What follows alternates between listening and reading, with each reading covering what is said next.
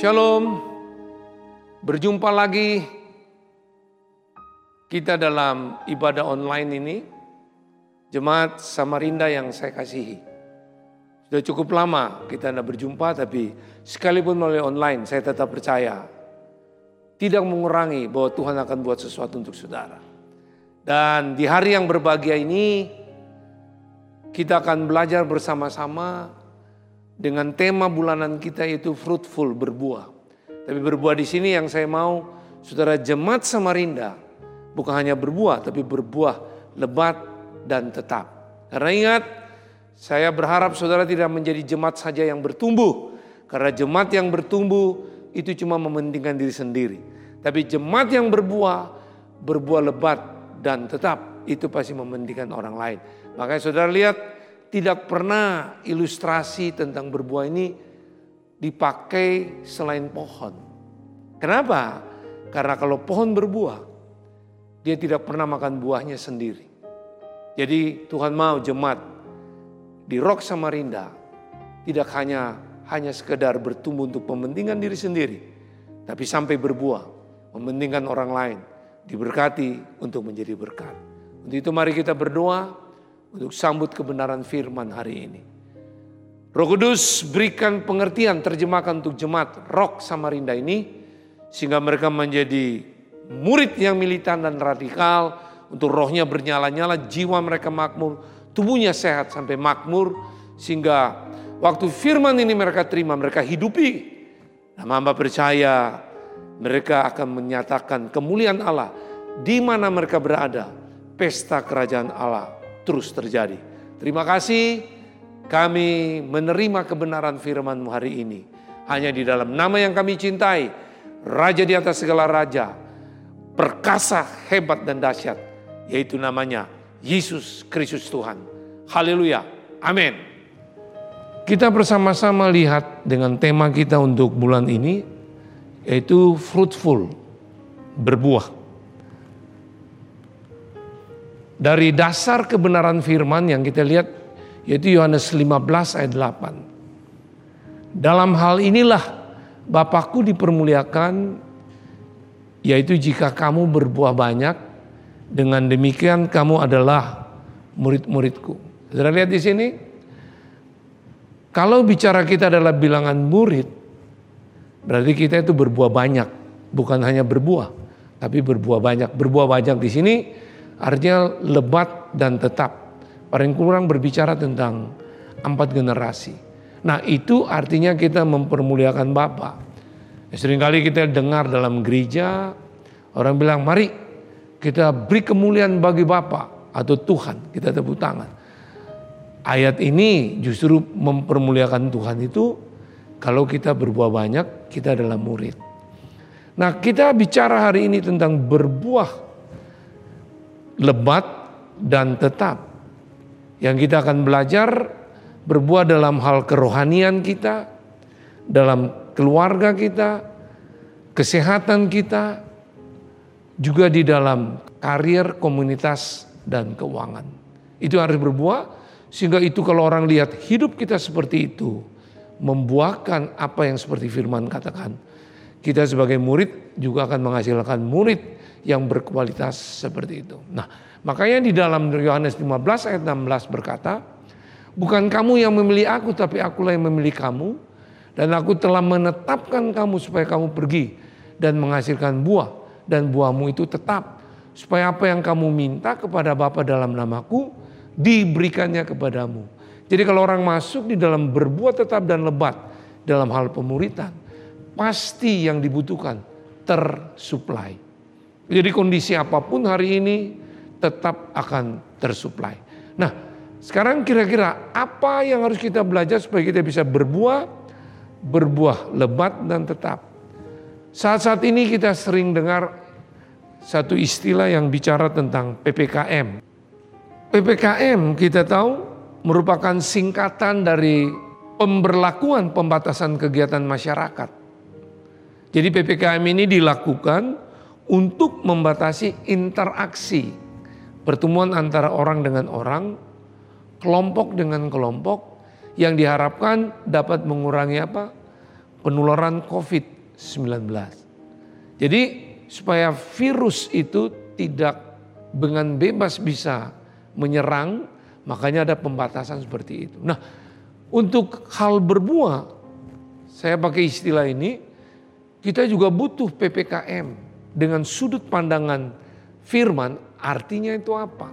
Supaya kita itu tidak tercemari oleh virus atau bakteri. Sistem dunia yang keluar dari firman atau kerajaan iblis atau hal-hal yang berbau kedangingan. Nah, untuk itu kita lihat ya. Bahwa hari ini kita masih hidup, artinya kita bertahan hidup, itu artinya selalu siap untuk berbuah. Karena perubahan itu adalah jalan menuju kedewasaan. Kalau saudara disebut dewasa, itu karena saudara berbuah. Ya.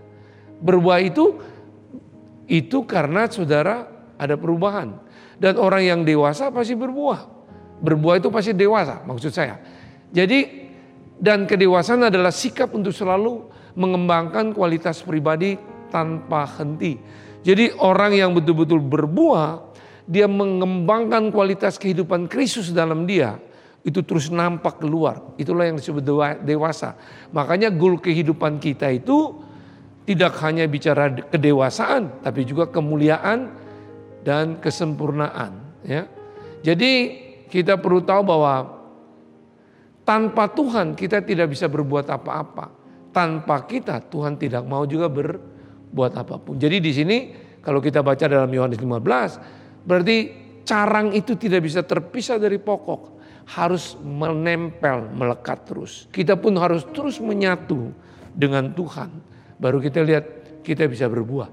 Tapi apa pandangan kebenaran bicara tentang PPKM ini? Nah sekalipun saudara dengar firman hari ini, ini adalah benih yang saudara terima. Tapi ingat, kalau hanya kita punya benih, kita tidak bisa berbuah. Dan Tuhan juga tidak mau saudara hanya punya benih, tapi Tuhan mau saudara menjadi pohon yang berbuah, berbuah lebat dan tetap. Jadi karena apa? Karena Tuhan menciptakan saudara dan saya itu untuk berbuah. Dan berbuah itu di atas popularitas, ketenaran. Ya, untuk kita mengerti. Jadi Tuhan tidak sedang menantikan kehidupan kita yang hanya bertumbuh. Itu kekeliruan kita. Dia tidak sedang hanya memper, me, apa, menantikan kehidupan kita hanya bertumbuh, melainkan juga kehidupan yang berbuah, berbuah lebat dan tetap. Nah, orang yang bertumbuh itu biasanya berfokus pada diri sendiri. Tapi kalau bicara tentang berbuah, itu pasti berfokus kepada orang lain. Jadi orang berbuah itu selalu dia berfokus kepada orang lain untuk bukan hanya dia diberkati, tapi untuk menjadi berkat. Nah, sekarang kita lihat apa untuk selalu bisa berbuah, berbuah tetap, lebat, apa yang dibutuhkan? Itu tadi kata, kita butuh itu PPKM. Kira-kira PPKM itu apa? P itu adalah bicara tentang percaya bukan karena melihat dan andalkan dia. Ayatnya kita bisa baca di dalam 2 Korintus 5 ayat 7. Sebab hidup kami ini adalah hidup karena percaya bukan karena melihat. Jadi di gedung saudara yang saudara sedang onsite mungkin atau sedang melalui online, saudara nonton dari tempat-tempat rumah saudara masing-masing, saudara tidak bisa lihat dia. Apalagi memegang dia dengan panca indera saudara, saudara tidak ketemu dia.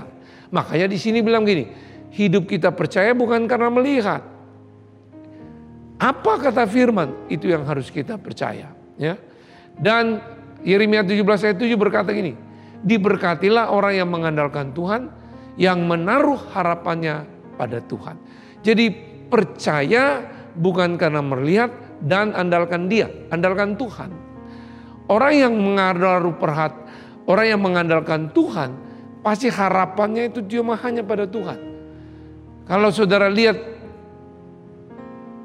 apa pointer ini saya letakkan di atas meja misalnya. Itu namanya saya berserah penuh kepada meja. yang menerima apa yang saya taruh. Tapi kalau saya ambil kembali lagi, berarti saya tidak lagi menaruh harapan saya pada meja ini. Sama kalau kita bilang menaruh harapan pada Tuhan, artinya gini, orang mengandalkan Tuhan itu apa yang dia sudah percaya ke Tuhan sudah selesai. Tidak lagi dari sistem dunia, kerajaan lain ataupun kedagingan. Jadi percaya bukan karena melihat ini, kenapa? Kalau saudara lihat di dalam 2 Korintus 4 ayat 18 berkata begini, Sebab kami tidak memperhatikan yang kelihatan, melainkan yang tak kelihatan. Karena yang kelihatan adalah sementara, sedangkan yang tak kelihatan adalah kekal. Jadi yang tidak kelihatan itu pribadi Yesus, itu kekal. Nah di hidup kita saat ini dalam menghadapi COVID-19 ini, juga COVID-19 tidak kelihatan. Dunia, sistem dunia mengambil ini untuk mencari keuntungan. Misalnya kita lihat, obat-obat itu naik begitu melunjak selangit. Juga bukan hanya itu. Uh, iblis pun mengambil pakai COVID-19 ini. Artinya gini, membuat hancur hidup keluarga, banyak orang kena PHK, banyak orang yang terpapar sampai terkapar dan kematian yang kita lihat hari lepas hari itu ada. Itu menghancurkan yang tidak kelihatan ini. Tapi yang tidak kelihatan, yang kekal, yang sesungguhnya asli, itu menasehati, menolong, dan menghibur kita. Yaitu Yesus Kristus Tuhan. Nah kita harus percaya bukan karena melihat dan andalkan Tuhan.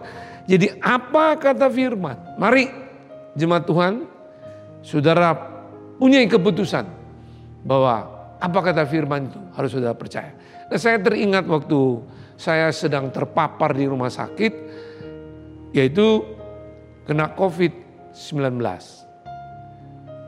Orang ah, semua menganjurkan dokter yang menganjurkan saya untuk ke rumah sakit supaya bisa mendapatkan infus yang ada isinya antivirus.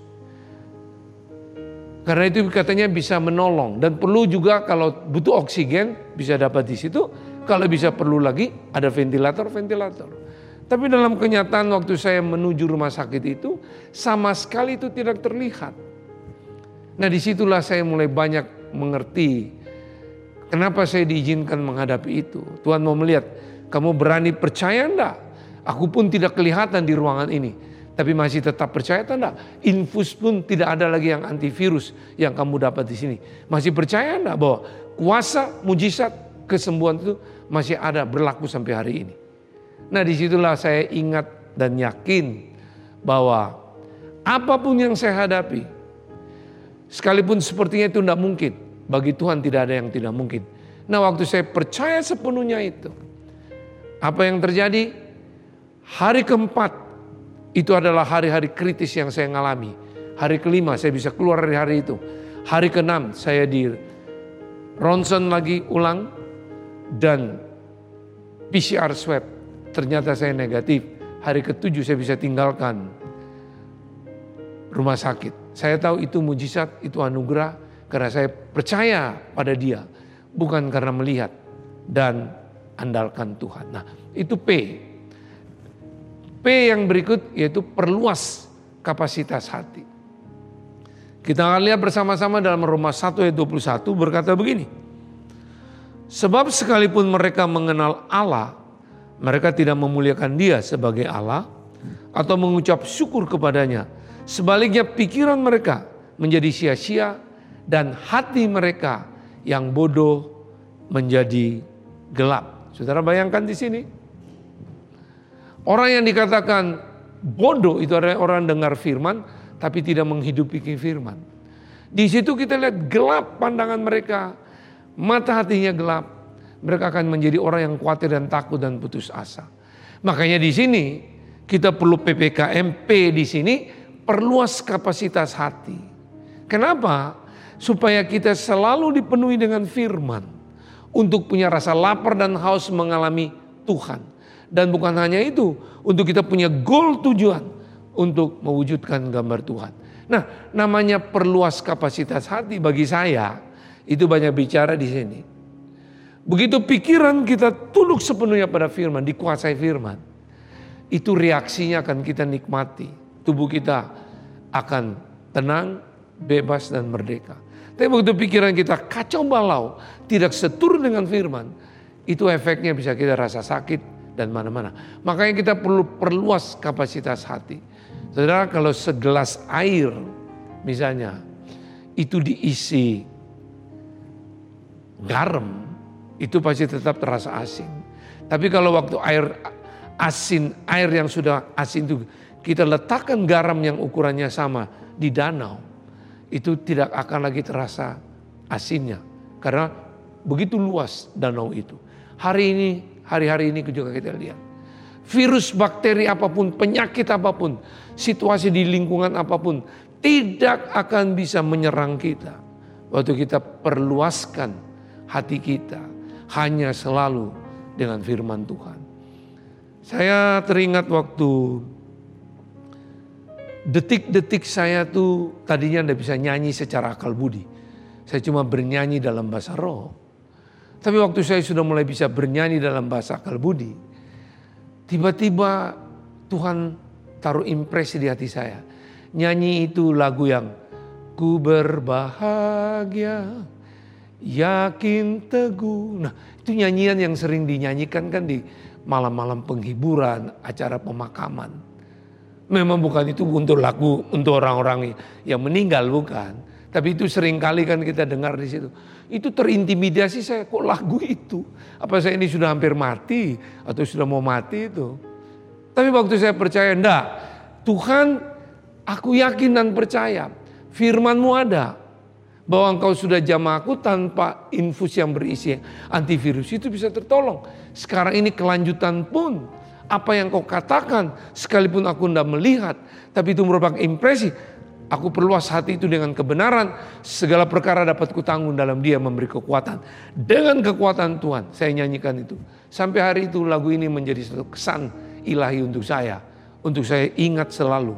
Itulah kebaikan Tuhan yang Tuhan buat untuk saya. Itu P kita lihat di situ ya. Nah sekarang kita lihat K. Kita lihat Matius 26 ayat 34. PP K. Matius 26 ayat 34 berkata gini. Yesus berkata kepadanya, Aku berkata kepadamu, sesungguhnya malam ini sebelum ayam berkokok, engkau telah menyangkal aku tiga kali. Yesus tahu kelemahan Petrus. Hari ini juga Yesus itu sudah ada dalam hidup saudara dan saya. Saudara sudah terima dia. Berarti dia juga tahu siapa diri saudara dan saya. Kita pun diberikan kemampuan dan kita pasti tahu apa kelemahan kita. Jadi K di sini bicara kenali blind spot atau titik buta diri saudara dan saya. Saya yakin dan percaya saudara tahu itu. Begitu kita kenali titik buta kita atau blind spot kita. Justru titik kelemahan itulah Tuhan akan memberikan kekuatan. Karena dalam Korintus berkata, di waktu kita merasa kita lemah, kita percaya ada kekuatan yang Tuhan berikan. Sama. Waktu saya berdoa dan cari tahu apa penyebab saya sampai bisa terserang COVID-19 ini. Saya teringat waktu saya mau pergi olahraga, di tengah-tengah pergi berolahraga itu, ada hujan juga gerimis, saya jalan tengah-tengah itu. Tapi waktu saya pulang, malamnya saya tuh tidak bisa tidur dengan tenang dan nyenyak. Besok paginya saya mulai lihat kondisi tubuh saya begitu menurun. Saya mulailah pakai antigen swab sampai kepada PCR swab. Saya itu positif. Saya mesti tahu apa ini penyebab. Mesti tahu titik lemah saya apa sampai bisa kena seperti ini. Saya jaga makan, saya olahraga, dan akhirnya ketemu ternyata ada miss saya pelayanan dengan istri saya. Dia tidak punya suatu permasalahan menghakimi atau menjatuhkan saya. Enggak. Cuma pandangan dia tuh saya mulai pikir, kok pandangannya itu tidak sesuai dengan pandangan saya.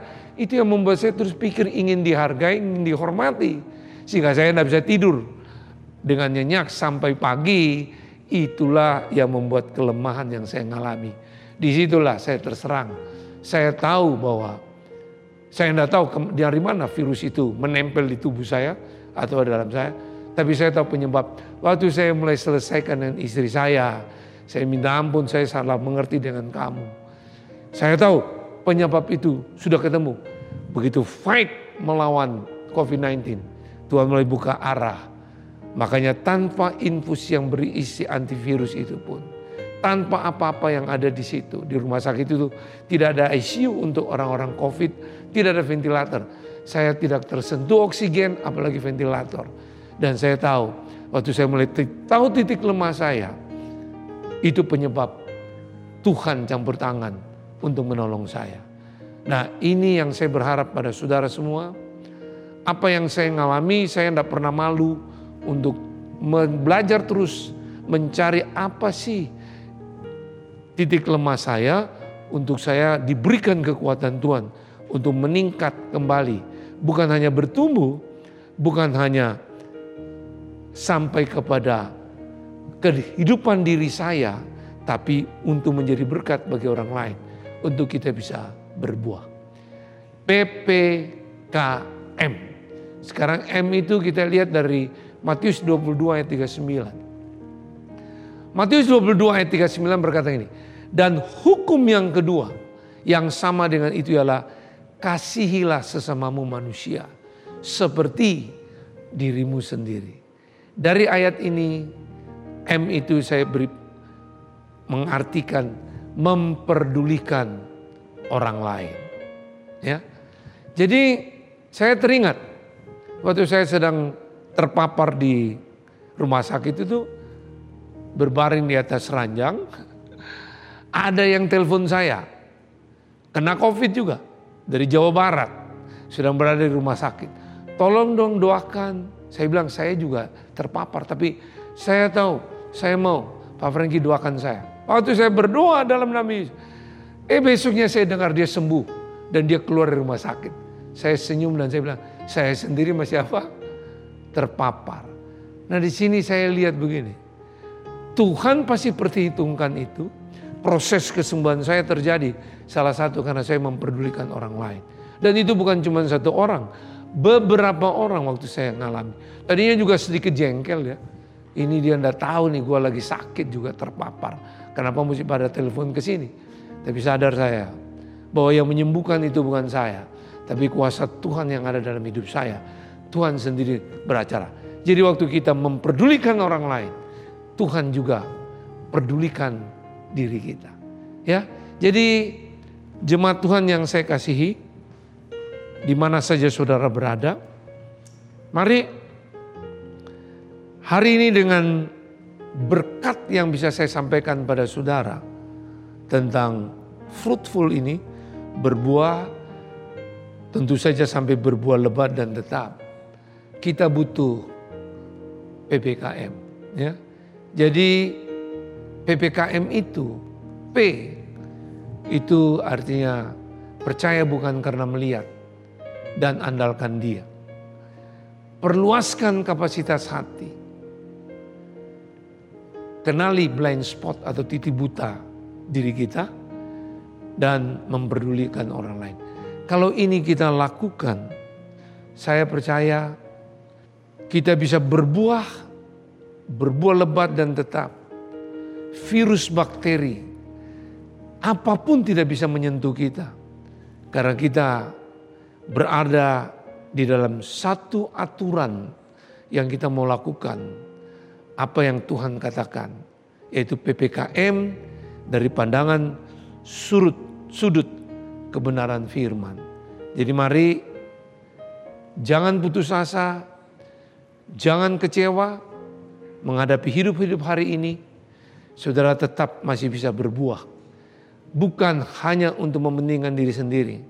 Tapi kita melihat kita bisa menjadi berkat di mana pun kita berada. Jadi kalau bisa memperdulikan orang lain bukan hanya bicara cuman keuangan, finance, tapi juga saudara bisa memberkati orang lain dengan doa saudara. Saudara bisa memberkati orang lain dengan men-sharekan firman yang sudah terima. Mungkin orang lain butuh apa, saudara bisa tolong. Kalau ini ada, saya yakin Tuhan akan buat segala sesuatu yang tidak mungkin bisa menjadi mungkin karena Dia adalah Tuhan yang kita kenal. Dia adalah jalan kebenaran dan hidup. Jadi semua itu pasti ada solusi. Dan solusi itu membawa kebenaran. Kebenaran itu adalah memerdekakan kita. Dan kita menikmati kehidupan. Kehidupan itu juga bukan bicara hanya saat ini. Tapi juga kehidupan kekal. Itu yang Tuhan mau. Saya berharap di mana saudara berada, mengikuti ibadah ini, saya yakin dan percaya Tuhan dengan caranya oleh pertolongan Roh Kudus saudara akan mengerti semua ini. Tuhan Yesus memberkati saudara. Tuhan Yesus mengasihi saudara berlimpah-limpah. Baik, mari kita berdoa. Tuhan terima kasih untuk hari ini kami boleh belajar bagaimana hidup kami ini bisa berbuah, berbuah tetap, berbuah lebat dan tetap. Dan seluruh jemaat baik yang mereka mengikuti ini baik melalui YouTube ataupun Facebook atau apa saja melalui online ataupun mereka yang sedang ada di rumah atau di mana saja. Hamba berdoa dalam nama Yesus Kristus Tuhan. Biar mereka ini tidak sampai bertumbuh. Supaya mereka tahu bertumbuh itu hanya mementingkan diri sendiri. Tapi sampai berbuah. Berbuah lebat dan tetap. Untuk mementingkan orang lain menjadi berkat bagi orang lain. Aku percaya sehingga mereka punya keputusan semua jemaat ini untuk ambil bilangan menjadi murid. Karena bilangan murid itu berbuah banyak. Dan berbuah banyak bilangan murid itu mempermuliakan Bapa. Sehingga kami mau melihat pesta kerajaan Allah ini terus bergerak di mana-mana. Melalui jemaat-jemaat Tuhan yang ada, yang sedang mengikuti ibadah ini. Sehingga di mana-mana orang melihat Raja di atas segala raja, Yesus yang hebat itu. Selalu dinyanyikan, diberitakan. Menjadi suatu kehidupan yang keluar melalui jemaat ini. Dan kami mau melihat Tuhan. Penuaian-penuaian besar terjadi melalui kehidupan jemaatmu yang hari ini mereka mengikuti ibadah ini. Aku yakin percaya dan saat ini juga aku percaya dalam nama Yesus. Di mana Tuhan tempatkan mereka mereka tetap berbuah dan berbuah lebat dan tetap. Tuhan terima kasih, tapi bagi mereka juga yang sedang sakit ataupun sedang terpapar karena COVID atau apa saja. Aku berdoa mereka tidak akan menjadi orang yang putus asa dan menyerah, tapi tetap memiliki hati untuk menyembah Tuhan. Tetap memiliki hati, setiap percaya bukan karena melihat. Sehingga mereka menjadi tetap bangkit menjadi murid-murid yang radikal dan militan untuk bukan hanya sekedar terima mujizat, terima kesembuhan, terima berkat, tapi menjadi murid yang menyatakan kemuliaan Allah. Terima kasih Bapak Yesus Roh Kudus untuk ibadah hari ini. Kami bersyukur dan terutama hambamu bersyukur masih tetap diberi kepercayaan untuk belajar menyampaikan isi hatimu. Aku cinta engkau Bapa Yesus Roh Kudus. Haleluya dalam nama Yesus Kristus Tuhan. Amin.